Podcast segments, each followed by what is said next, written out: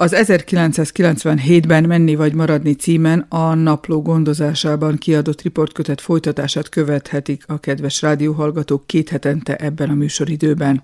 16 vajdasági értelmiségének tettük fel a kérdést, amely manapság is időszerű. Ezúttal Hernyák György rendezőt kerestem fel. Menni? Vagy maradni? Menni vagy maradni? 1994-ben mondtad azt, hogy aki azt mondja, hogy nem gondolkodott az elmenésen az elmúlt három-négy évben, az hazudik. Manapság, ha az utóbbi három-négy évre gondolunk, ez a gondolat megfordult a fejedben. Én egy idézettel kezdem, mert látom, épp itt olvasom, hogy ott is valamit idézgettem szívedit. Hát most magamtól idézek. Szánom, bánom, már a 43, 53, és a Rímián 123 szélbe tévet éven. Megértem, aki itt marad, s légbe épít betevő falat. Megértem, ki elmegy, eltűnik, felhagy, mert kiveti a sárhegy. Megértem, ki reménykedik, megértem, ki megveretik, megértem, ki győz, s mindent megelőz. Megértem, ha akarom, víjon után szabadon. Megértem, ki szeret, és azt, aki csalódik, megértem, ki szakált növesz, megértem, ki tar, ki szemet eltakar, ki súg, ki hallgat, ki ordít, ki alhat békésen, ki résen van, volt, lesz. Köztes lét. Jöttem valahonnan, és nem megyek sehova.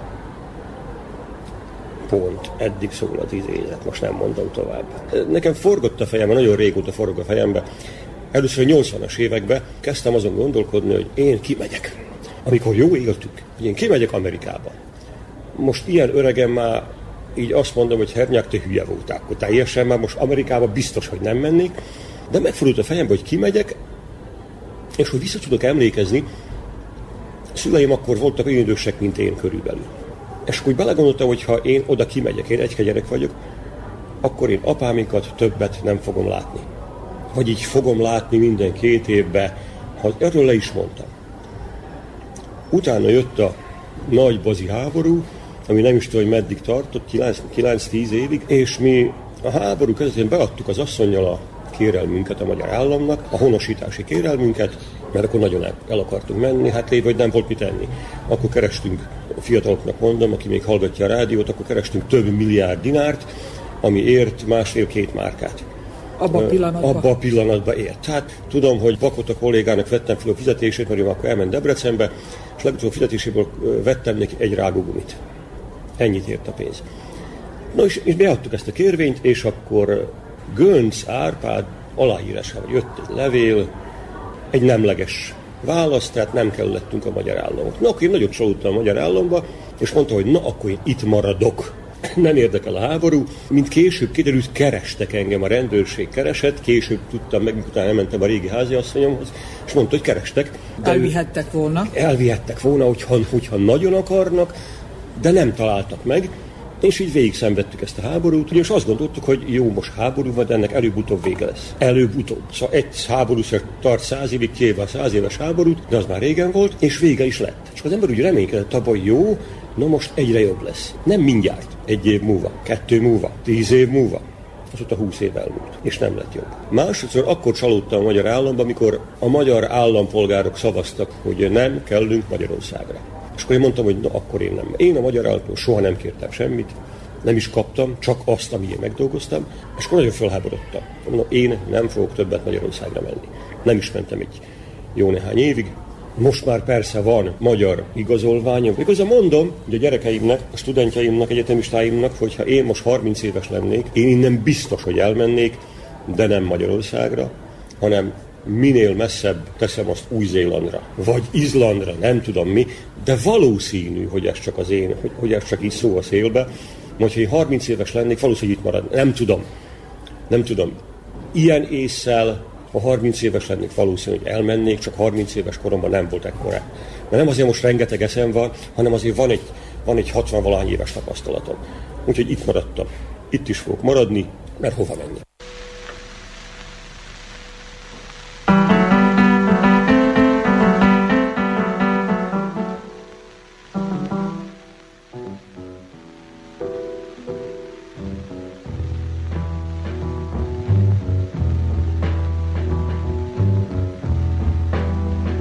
Ain't got no home, ain't got no shoes, ain't got no money, ain't got no class, ain't got no skirts, ain't got no sweaters, ain't got no perfume, ain't got no love, ain't got no faith. I ain't got no culture, got no mother, ain't got no father, ain't got no brother, ain't got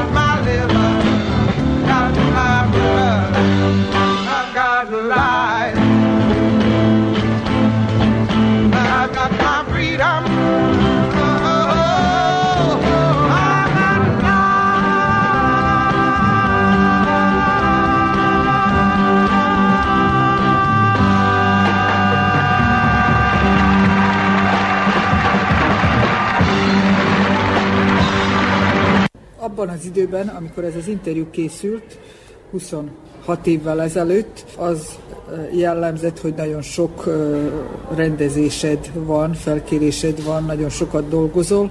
Ez a 20 pár év mennyi munkával telt el számodra? Annyit produkáltál el, amennyire képes voltál, vagy tudtál volna többet is? Tudtam volna többet is. Mostanában nem sokat dolgozok. Most, hála ő Isten, dolgozok a Szabadkész Színházban, majd a Gyerekszínházban, de úgy évek múltak el, amikor nem igazán, amikor egyet rendeztem, vagy egyet sem. De mondjam azt neked, hogy nem hiányzik. Ott vagyok az akadémián, és ha nem lennék ennyire fáradt, akkor még azt is mondanám, hogy jól érzem magam. Épp a Kókai Péterrel beszélgettünk arról, hogy miért érzem magam jól az akadémia, és mondja, hogy tudod mi? Hát mondom, azért már jól érzem magam, aztán nem azt mondja. Szóval azért már ott van jó néhány szempár, aki téged figyel, és még fontos vagy valakinek. Ja, hogy mondom, akkor ez önzés. Hát igen, ez önzés. Amit én szeretnék magamban leküzdeni, de amíg azt érzem, hogy valakinek szüksége van rám, addig én jól érzem magam. Akkor lesz a baj, vagy van a baj, vagy lesz a baj, hogy elmegyek nyugdíjba, gondolom én, és úgy érzem, hogy légüres térbe kerültem, és otthon vagyok asszonypajtással, és nincs dolga. És már nem figyelnek a szemek, nem látnak, két gyerekünk kirepült, és ott maradtunk ketten. De hát ez még a jövő. A színházi világ itt a Vajdaságban nagyon sokat változott a 90-es évek óta. Szinte kiüresedett a színház. Igen. Időközben új színház is létrejött, új generációk dominálnak, Igen. és ez minek a tükörkép? Igen, a háborút mindenki innen elment. Újvidéken azt hiszem, hogy ketten vagy hárman maradtak, Szabadkán alig maradt valaki, akkor még Kosztolányi nem volt, Zentai Színház nem volt. Hát most ez egy új generáció. Mindig azt mondom az akadémián, hogy én legalább annyit tanulok tőlük, vagy lehet, hogy többet tanulok tőlük, mivel tapasztaltabb vagyok, nem okosabb tapasztaltabb, lehet, hogy többet tanulok tőlük, mint, mint, mint ők tőlem. Ez egy teljesen új generáció, teljesen másként fogják fel a világot, éppen akkor Lénárda beszélgettünk a múltkor, és mondja azt, hogy az új generáció azt tudja, hogy ki volt a Milosevic. Úgy nőttek föl, hogy Milosevic halál után tíz évre szület. És én még a Tito is, a Jugoszlávia is emlékszem, még a Milosevicira is. És ez valószínű, hogy terhel, vagy tapasztalatot ad. Hát nem tudom, a történelem az mindig ismétlődik. És az ismétlődést látom. Ezek a fiatalok pedig nem látják, hiszen most nőttek bele valamibe. Szerinted a mostani generációk megállják a helyüket? Például az előbb beszélgettünk arról, hogy most minden egyetemistámnak van munkája. Nagyon furcsán. Körülbelül 15 évvel ezelőtt mondtam, és hogy mindig elmondom a, a fölvételi, hogy gyerekek tudják azt, hogy nem lesz munka hogy maguk itt négy vagy öt évig tanulnak, és nem kapnak munkát. És vagy kurtán furcsán, talán egy generáció volt az, akinek nem lett munkája. Szóval valahogy a gyerekeimnek mindegyiknek van valahol munkája. Szóval valahol föltalálták magukat, vagy igyekeznek föltalálni magukat. Vagy kell az embereknek a színház? Vagy kell az embereknek a színház, vagy kell a színésznek a színház, vagy kell az igazgatónak a színész. Ezt most nem tudom igazából megfogalmazni, de hát tudom, hogy az a társadalom, amelyik nem ad a kultúrájára, az úgy szara, hogy van. Elnézést a latinizmusért. Évről évre halljuk, hogy mind kevesebb kerül a költségvetésből a színházak fenntartására. Te, mint rendező, ezt mennyire érzed meg? Hát persze, hát tudom pontosan. Nagyon rövid volt az az idő, ahogy én emlékszem rá, amikor kitaláltam, ez a díszlet lesz, és akkor azt mondjuk, erre van pénz. Most ha a rendezők úgy gondolkodnak, hogy hát igen, nincs pénz, akkor szedjük össze, dobjuk össze funduszból, innen, semmiből. onnan, a semmiből, és próbál ebből a semmiből jó előadást de, de én ezt vonzásnak érzem, és kihívásnak. Könnyű Németországban rendezőnek lenni, valószínű, az ember csettint, és bejön egy repülőgép a színpadra, nálunk nem jön be repülőgép a színpadra, hanem az elhasznált kellékekből építjük fel a színpadot, a, a jelmezek azok valahonnan a ruhatárból kerülnek elő, ha szerencsénk van.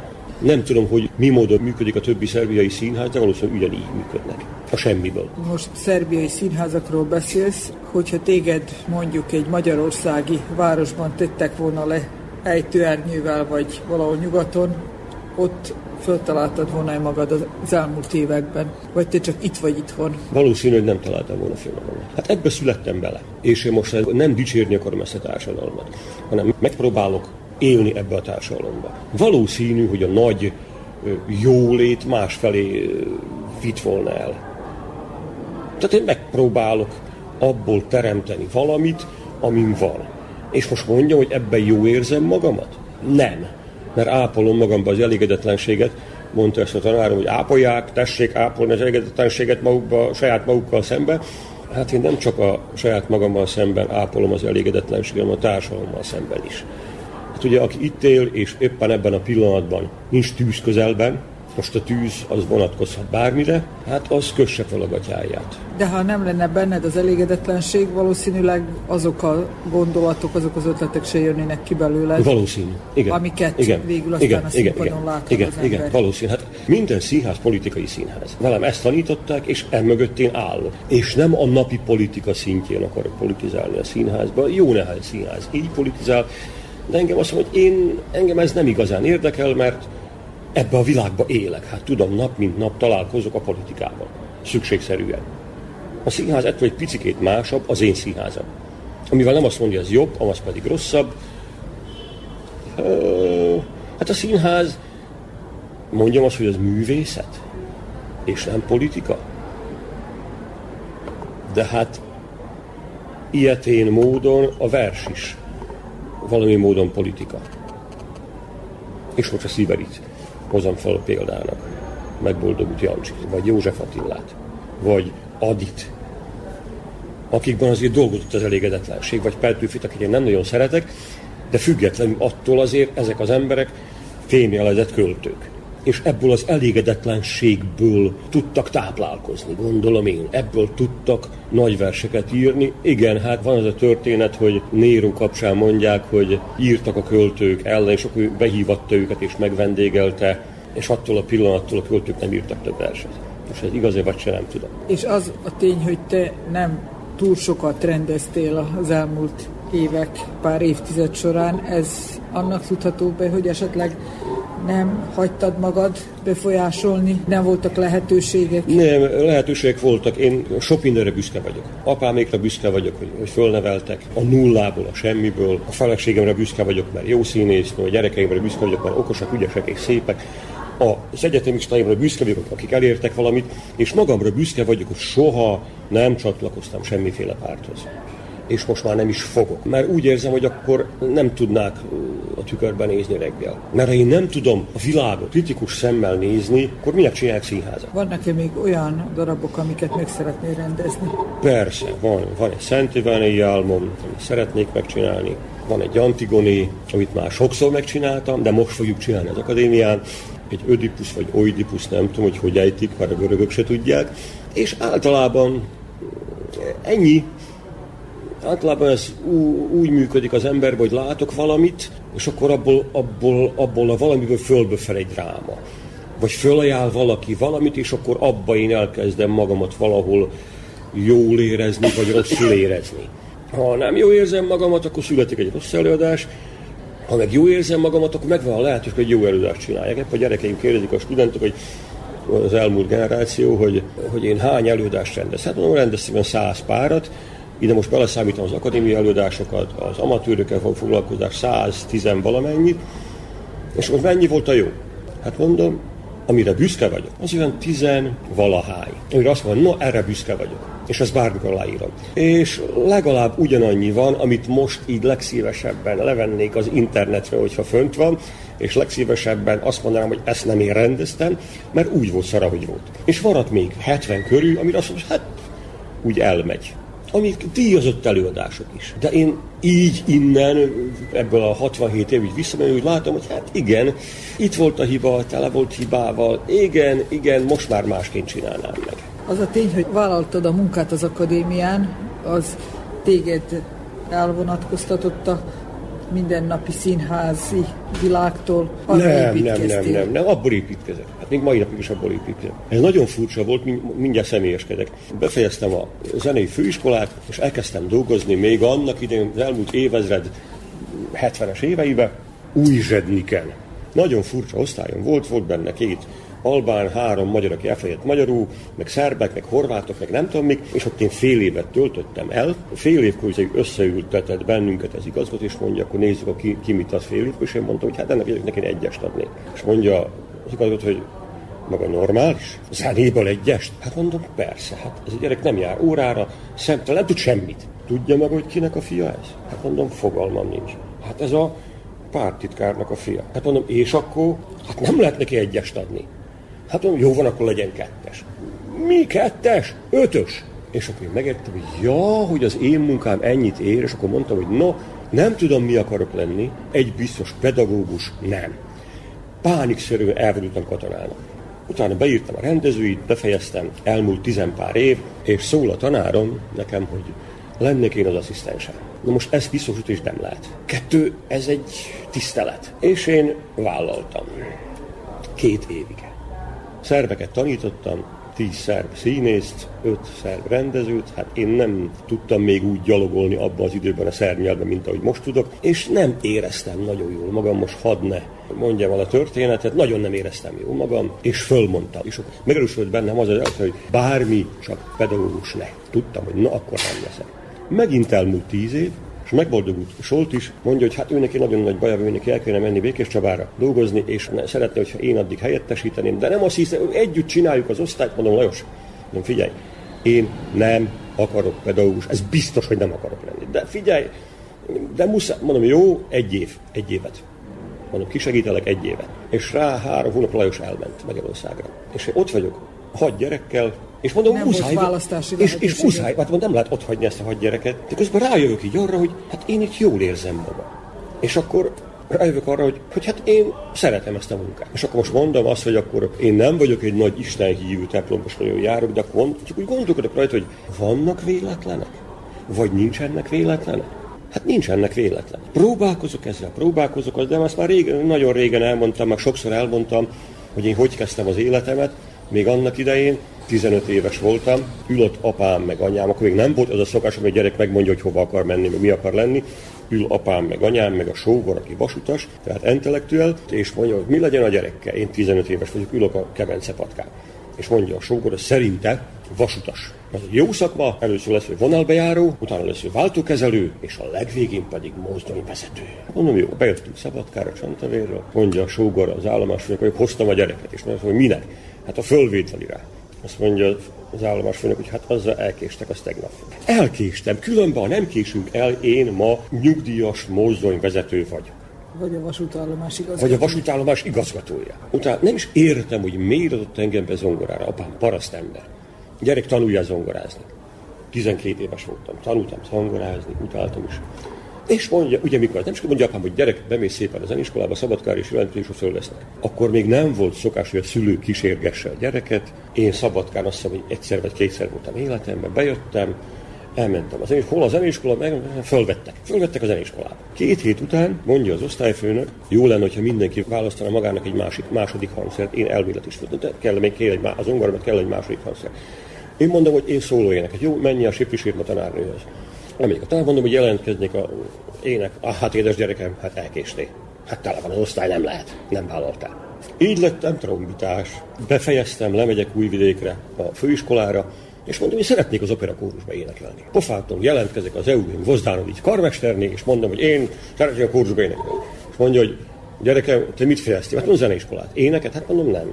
Hát akkor nem lehet. Visszamegyek a tanárnő a Sipri sírmával, és mondom, hogy tanárnő, tudnák én itt tanulni magánál? Hát hol volt hát a gyerekem négy évvel ezelőtt? Hát mondom, jelentkeztem. Maga meg azt mondta, hogy nem. Hát de még nem erőszakoskodtál.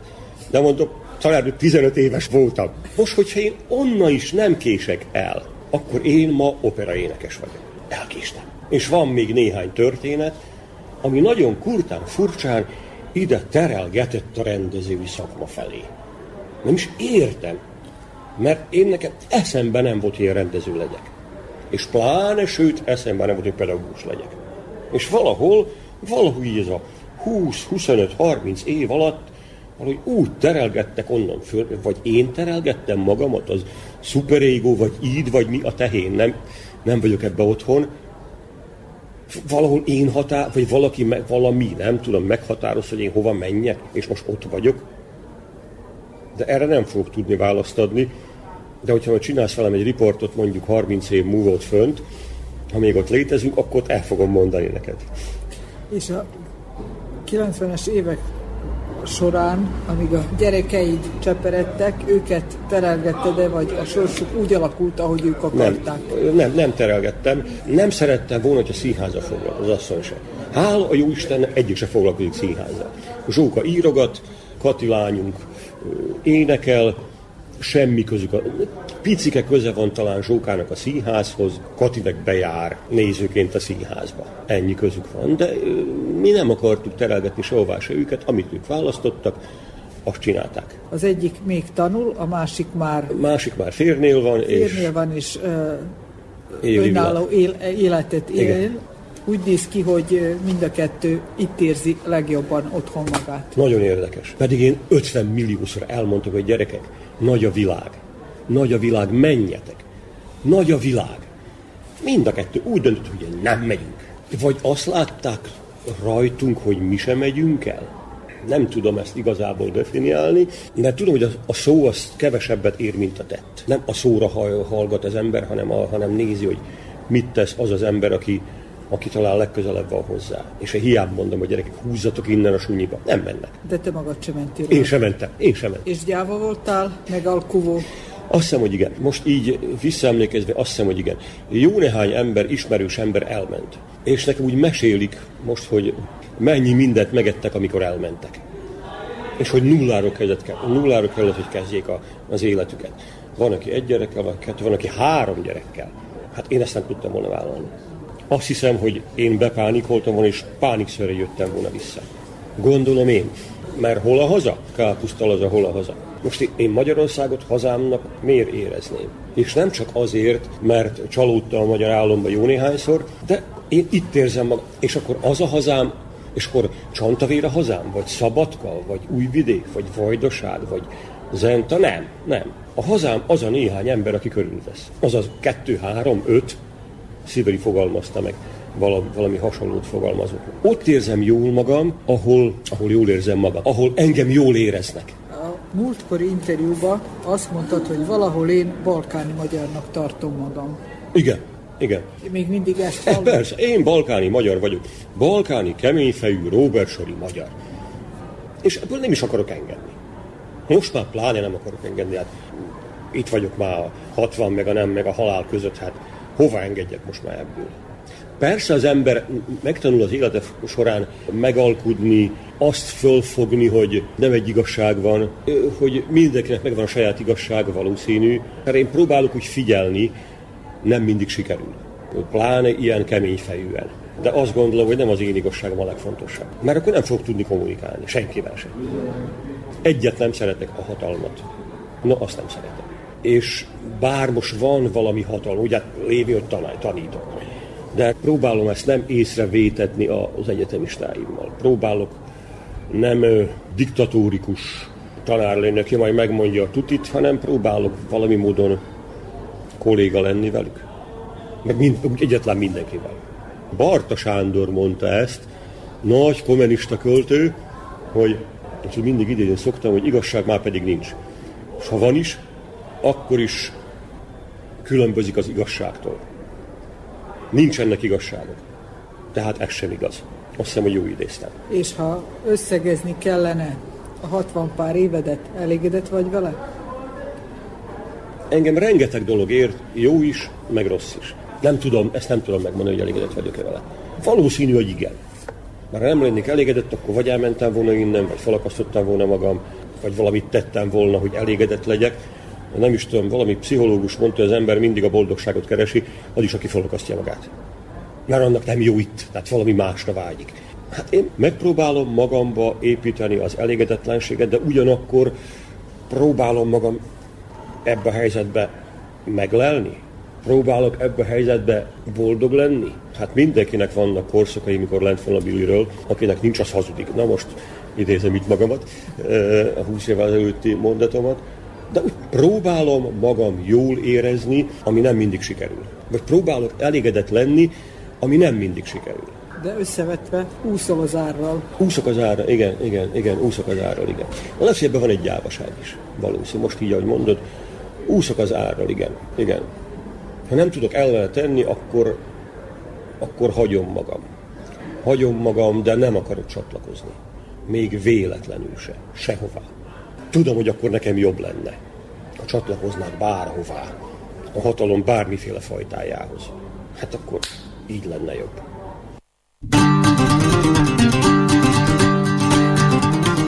Hernyák György rendezőt hallottuk, a végén Bakos Árpád muzsikája. Menni vagy maradni című műsorunkat hallották. A Hernyák György rendezővel készített beszélgetés készítője Grajla Hemma köszöni a figyelmet.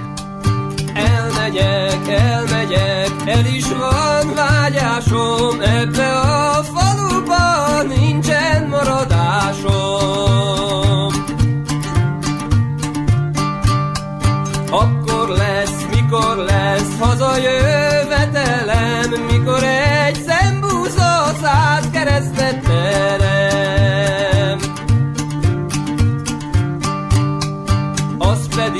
Sosem lesz, hogy annyit teremjen, nekem se várjátok haza